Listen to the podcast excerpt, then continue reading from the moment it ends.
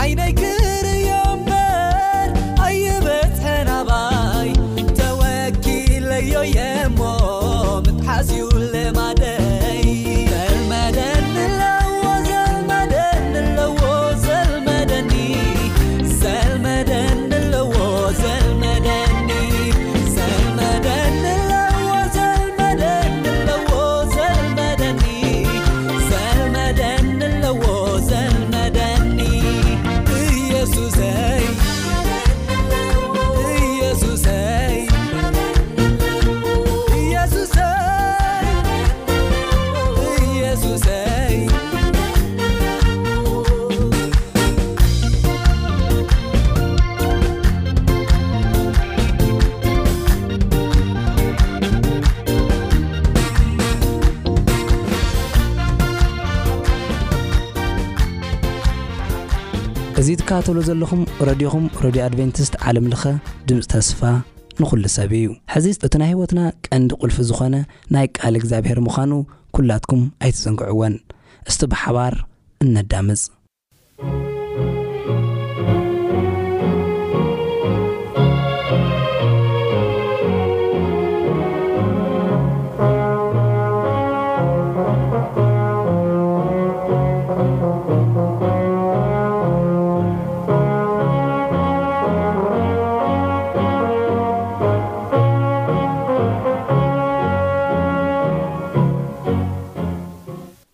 ሰላም ኣብ በቦትኡ ኮንኩም መደባትና እናተኸታተልኩም ዘለኹም ክቡራት ተኸታተልቲ መደብና እዚ መደብ ቃል ኣምላኽ እዩ። ኣብ ናይ ሎሚ ትሕዝቶና ዘሎ ቃል ኣምላኽ ቅድሚ ምርኣይና ሕጽር ዝበለ ጸሎት ክንጽሊ ኢና። ሕጽር ዝበለ ጸሎት ንጸሊ። ጎይታ ነመስግነካ ኣለና ብምሕረትካ፣ ብፍቕርኻ፣ ብለውሃትካ ናብ ስለ ዘብጽሕካና ሕጂ ድማ ቃልካ ከፊትና ኣለና እሞ ቃልካ ከተምህረና ክትመርሓና ኣስተውዒልና ድማ ምንባር ክንክእለሉ እንኽእለሉ ጸጋ ክተብዝሓልና እንድመነካ ኣለና ብጎይታና መድሓና የሱስ ክርስቶስ ስም ኣሜን ሎሚ እምበኣር ንሪኦ ሓሳብ ኣብ ቀዳማይ ጴጥሮስ ምዕራፍ ሓሙሽተ ዘሎ ሓሳብ እዩ ብርግጽ ናብ ካልእ ጥቕስታት ካብዚ ተላዒልና ክንርኢ ኢና ብዝኾነ ግን እንታይ እዩ ዝብል ኣብ ቀዳማይ ጴጥሮስ ምዕራፍ ሓሙሽተ ፍቕዲ ሽዱሽተ ጀሚሩ ዘሎ ከምዚ ይንበብ ደጊም ብግዜኡ ንሱ ልዕል ምእንቲ ከብለኩም ኣብ ትሕቲ እታ ጽንዕቲ ኢድ ኣምላኽ ትሕት በሉ ንሱ ይሓልልኩም እሞ ንዅሉ ሓልትኩም ከኣ ኣውድቕዎ ዲያብሎስ እቲ መጻርትኹም ዝውሕጦ ደልዩ ከም ዝጓዝም ኣንበሳ ኮይኑ ይዘውር ኣሎ እሞ ተጠንቀቑ ንቕሑ እዚ ሓሳረ መከራ እዚ ነቲ ኣብ ዓለም ዘለዉ ኣሕዋትኩም ይበጽሖም ከም ዘሎ እናፈለጥኩም እቲ ብክርስቶስ የሱስ ናብ ናይ ዘለኣለም ክብሩ ዝጸውዓኩም ኣምላኽ ኩሉ ጸጋ ቁሩብ ግዜ ሓሳረ መከራ ምስ ሰገብኩም ንሱ ክፍጽመኩም ከበርትዓኩም ክስርተኩም እዩ ይብል ስለዚ ብዚ ሓሳብ እዚ እንሪኦ ነጥብታት ኣሎ ብዙሕ ነጥብታት ኣሎ እንታይ እዩ ዝብል ኣብዚ ሓሳብ እዚ ደጊም ብግዚኡ ንሱ ልዕል ምእንቲ ከብለኩም ኣብ ትሕቲ እታ ጽንዕቲ ኢድ ኣምላኽ ትሕት በሉ ክብል ከሎ ኢና ንርኢ ማይቲ ሃንድ እዩ ዝብሎ ኣብዚ ክንሪኦ ከለና እዚ እንታይ ማለት እዩ እግዚኣብሔር ሓያል እዩ ኩሉ ድማ ዝኽእል ኣምላኽ እዩ ስለዚ ብግዜኡ ንሱ ልዕል ከብል እዩ ንዝተጸበይዎ ስሙ ንጽውዑ ከም ፍቓዱ ንዝመላለሱ ሰባት ንሱ ብግዜኡ ልዕል ከብሎም እዩ ንሱ ልዕል ከብሎም እዩ ምናልባት እዚ ሓሳብ እዚ ምድራዊ ጥራሕ ኮይኑ ክንሪኦ ንኽእል ንኸውን ነገር ግን ኪንዮ ምድራዊ ኣብ ትሕቲ ተሓያል ፅንዕቲ ኢድ ኣምላኽ ትሕት በሉ ክብል ከሎ ምድራዊ ዘይኮነስ ሰማያዊ ልዕልና እውን ከም ዝህበና ናብ ሰማያዊ እውን ከም ዝወስደና ከም ዘኽብረና ኢና ንርኢ ናይ ሎሚ ዘሎ ውርደትና ጥራሕ ናይ ሎሚ ዘሎ ሓሳረ መከራና ጥራሕ ናይ ሎሚ ምትሓትና ጥራሕ ዘይኮነሲ ናይ መጻኢ ልዕልናና እናረኣና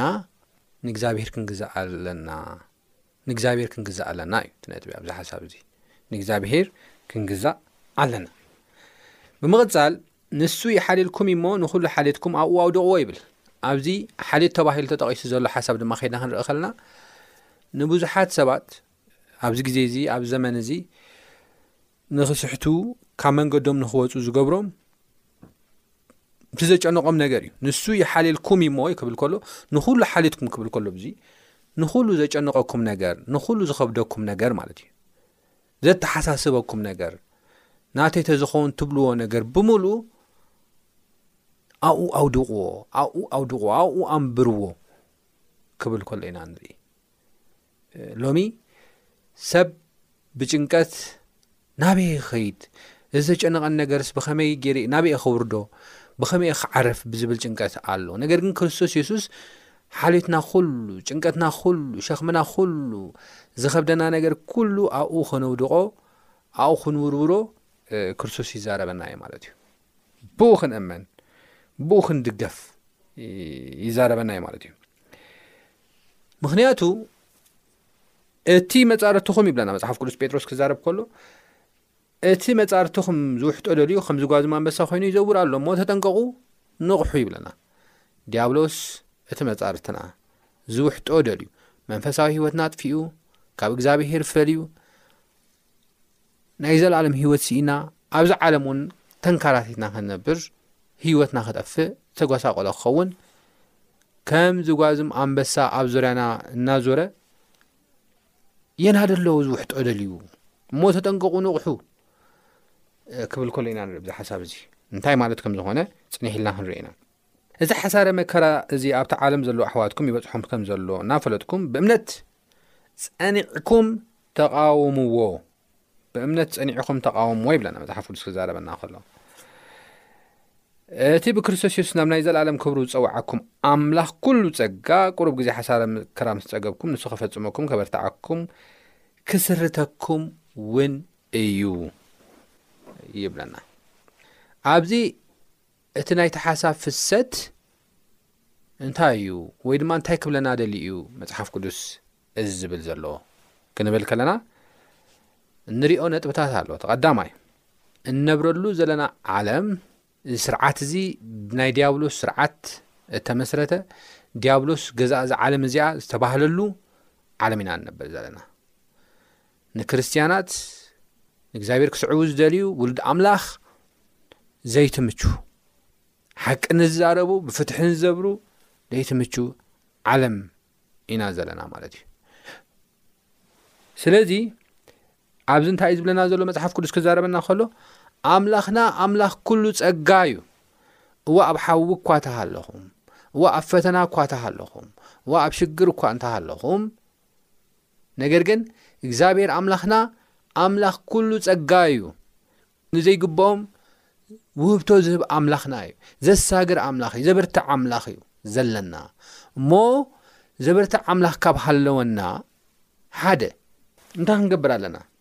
ኣብ ትሕቲ እታ ጽንዕቲ ኣምላኽ ትሕት ክንበል ኣልና። ኣብ ቅድሚ ኣምላኽ ብትሕትና ክንመላለስ ይግብኣና እዩ። እዚ ኣብ ሚክያስ ምዕራፍ ሽዱሽተ እውን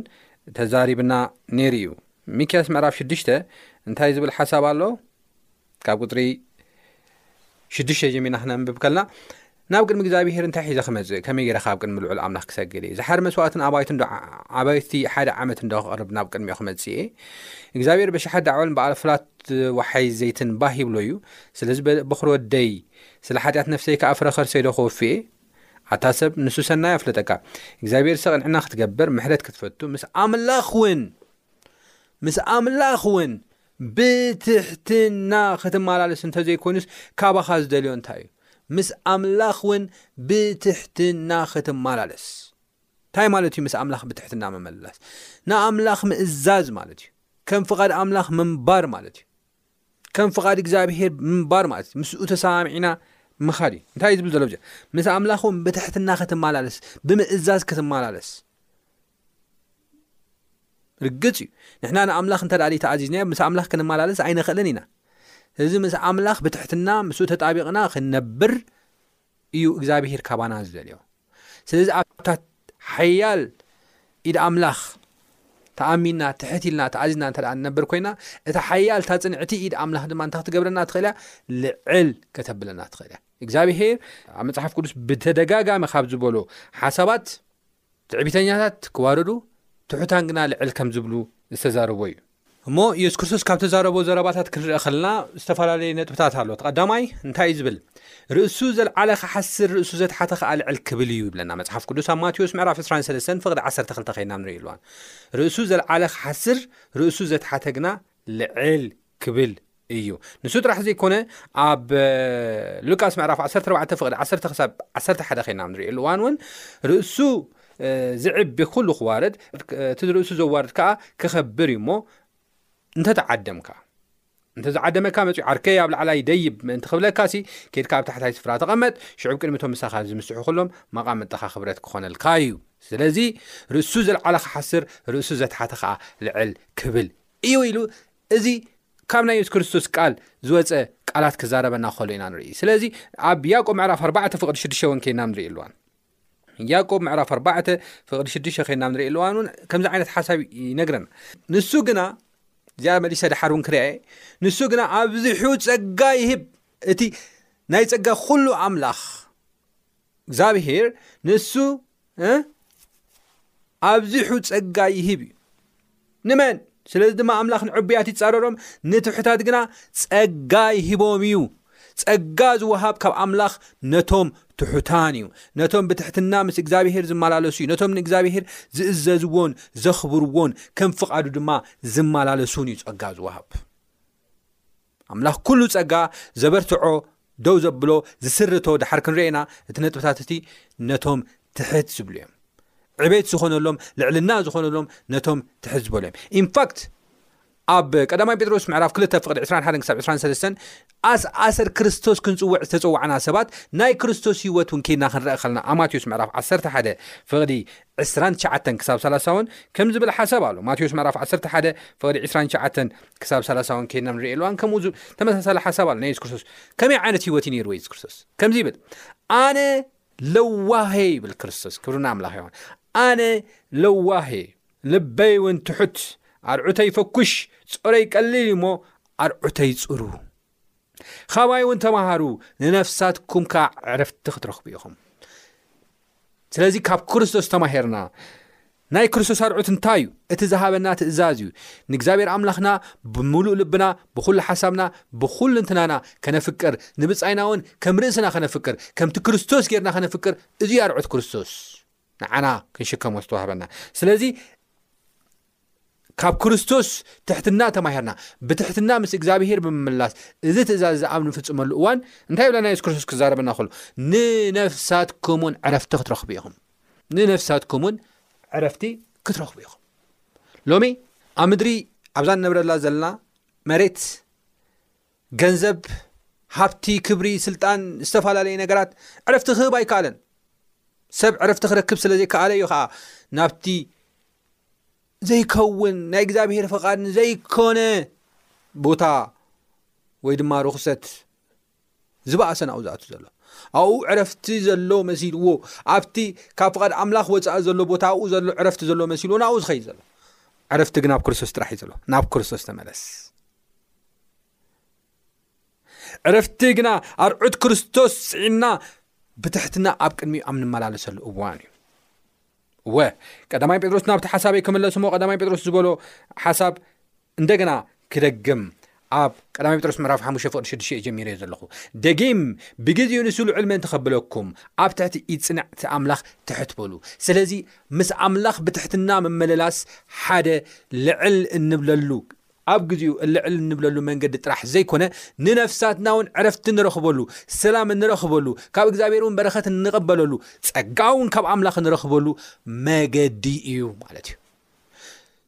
ስለዚ ኣብ ቅድሚ ኣምላኽ ብትሕትና መመላስ ድማ ንእግዚኣብሔር ምእዛዝ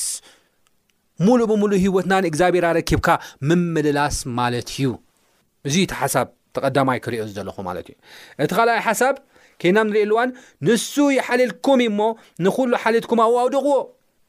ኣብ ቅድሚ ኣግዚኣብሄር ብትሕትና ክትመላለስ ከለኻ ንእግዚኣብሄር ተኣዚዝካ ክትመላለስ ከለኻ እዛ ዓለም ትምቹ ዓለም ኣይኮነትን። ብዙሕ ፈተናታት ይበጽሓካ እዩ። ብዙሕ ሽግራት ክበጽሓካ ይኽእል እዩ። ንኣምላኽ ኣሚኖም ከም ፍቓዱ ዝተመላለሱ ቃሉ ዝሓዙ ንእግዚኣብሔር ተኣማኒ ኢና ንኸውን ክሳብ መወዳእታ ህይወትና ኢሎም ዝተዛረቡ ኩሎም ካብ ዘፍጥረት ክሳብ ራእይ ዘለዉ ሰባት ብምልኦም እንታይ ኮይኖም እዮም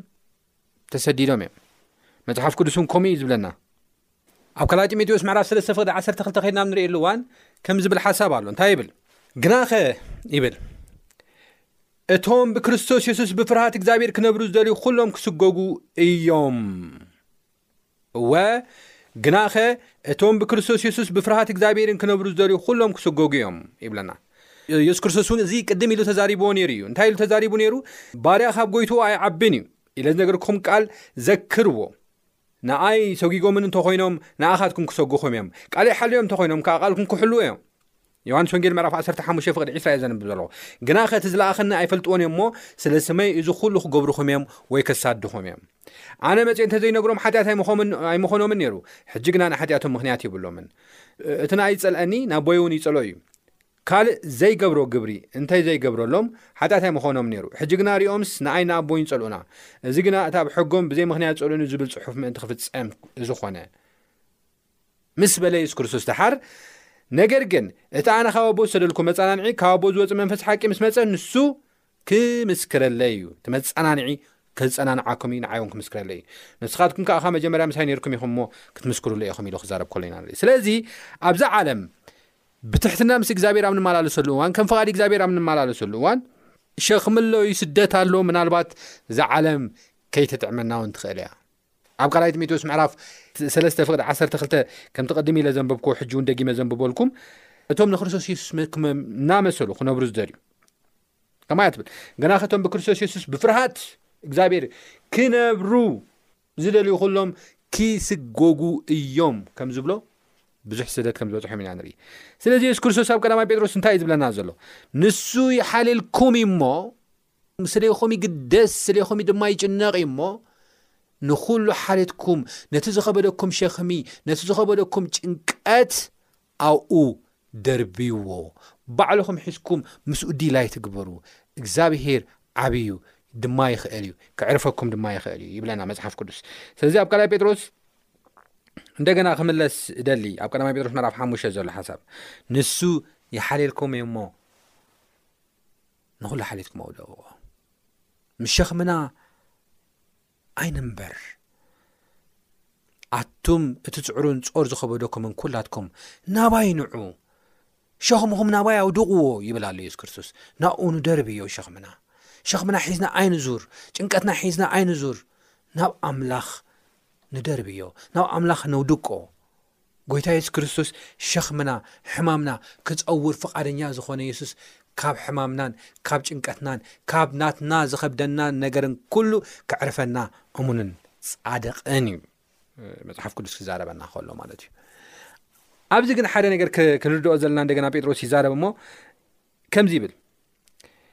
እዚ ሓሳረ መከራ እዚኦም ኣብ ዓለም ዘለዉ ኣሕዋትኩም ይበፅሖም ከም ዘለዉ እናፈለጥኩም ብእምነት ፅንዒኹም ተቃወሙ ምስ በለ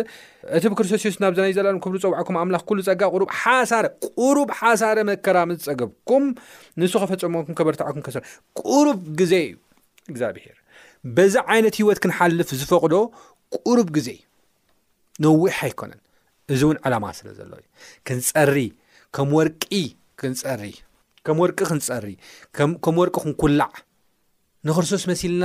ክንዓብን ንክርስቶስ ድማ ክንመስልን ስለ ዝተደለየ እዩ ንዓና ከዓ ሞልድ ዝገብረና ዘስተካክለና ሓውን ፈተናን ስለ ዝኮነ ንደቂ ሰባት ማለት እዩ ንቁሩብ ሓሳረ መከራ ክንፀግብ ናይ እግዚኣብሔር ፍቃድ ከምዝኮነ ኢና ንርኢ በዚ መልካ እዚ ስለዚ እዚ መከራ እዚ ግን ንቁሩብ ግዜ እዩ ነዊሕ ኣይኮነን ንቑሩብ ግዜ ሊሚትድ ታይም ኣለዎ ንቑሩብ ግዜ ሓሳረ መከራ ምስ ጸገብኩም ንሱ እንታይ ክገብረኩም እዩ ባዕሉ ከበርትዓኩም እዩ ባዕሉ ከፈጽመኩም እዩ ባዕሉ ክስርተኩም እዩ ይብለና መጽሓፍ ቅዱስ ዘበርትዓና ኣጆኹም ኣነ ኣለኹ ኢሉ ዘበርትዓና መንፈስ ቅዱስ በዓሉ እዩ ምክንያቱ የሱስ ክርስቶስ እንታይ ኢሉ እዩ መፃናንዒ ክልእኸልኩም እያ ኣብ ጎንኹም ኮይኑ ቢሳይድ እዩ ኣብ ጎንኹም ኮይኑ ብትኸድዎ ኩሉ ናኸደ ዘፃናንዕ ዘበራታትዕ ኣጆኻ ኢሉ ዝድግፍ መንፈስ ቅዱስ ክልእኸልኩም እየ ከም ዝበለ እቲ መንፈስ ቅዱስ ኣብ መንጎና ኮይኑ ከም ዘበርትዓና ኣብ ማእኸልና ኮይኑ ከም ዘበርትዓና ከም ዘፈፅመና ከም ዝስረተና ዩ መፅሓፍ ቅዱስ ዝዛረበና ማለት እሞ በዚ መልክዕ እዚ ንሕና እዚ ተረዲእና ጭንቀትና ናብኡ ብምድርባይ ኮንሲስተንትሊ ብፅንዓት ንዲያብሎስ እናተቓለስና ክነብር ይግባኣና እዩ እዚ እምበኣር ክንገብር እግዚኣብሔር ፀጉ እዮም ዝሓልና እናበልኩ ኣብ ዝቕፅል ናይዚ መቐፀልታ ሓዘልኩም ክቐረበ ክሳብ ዝቕፅል ሰሰና እዩ ጎይታ ይባርኩም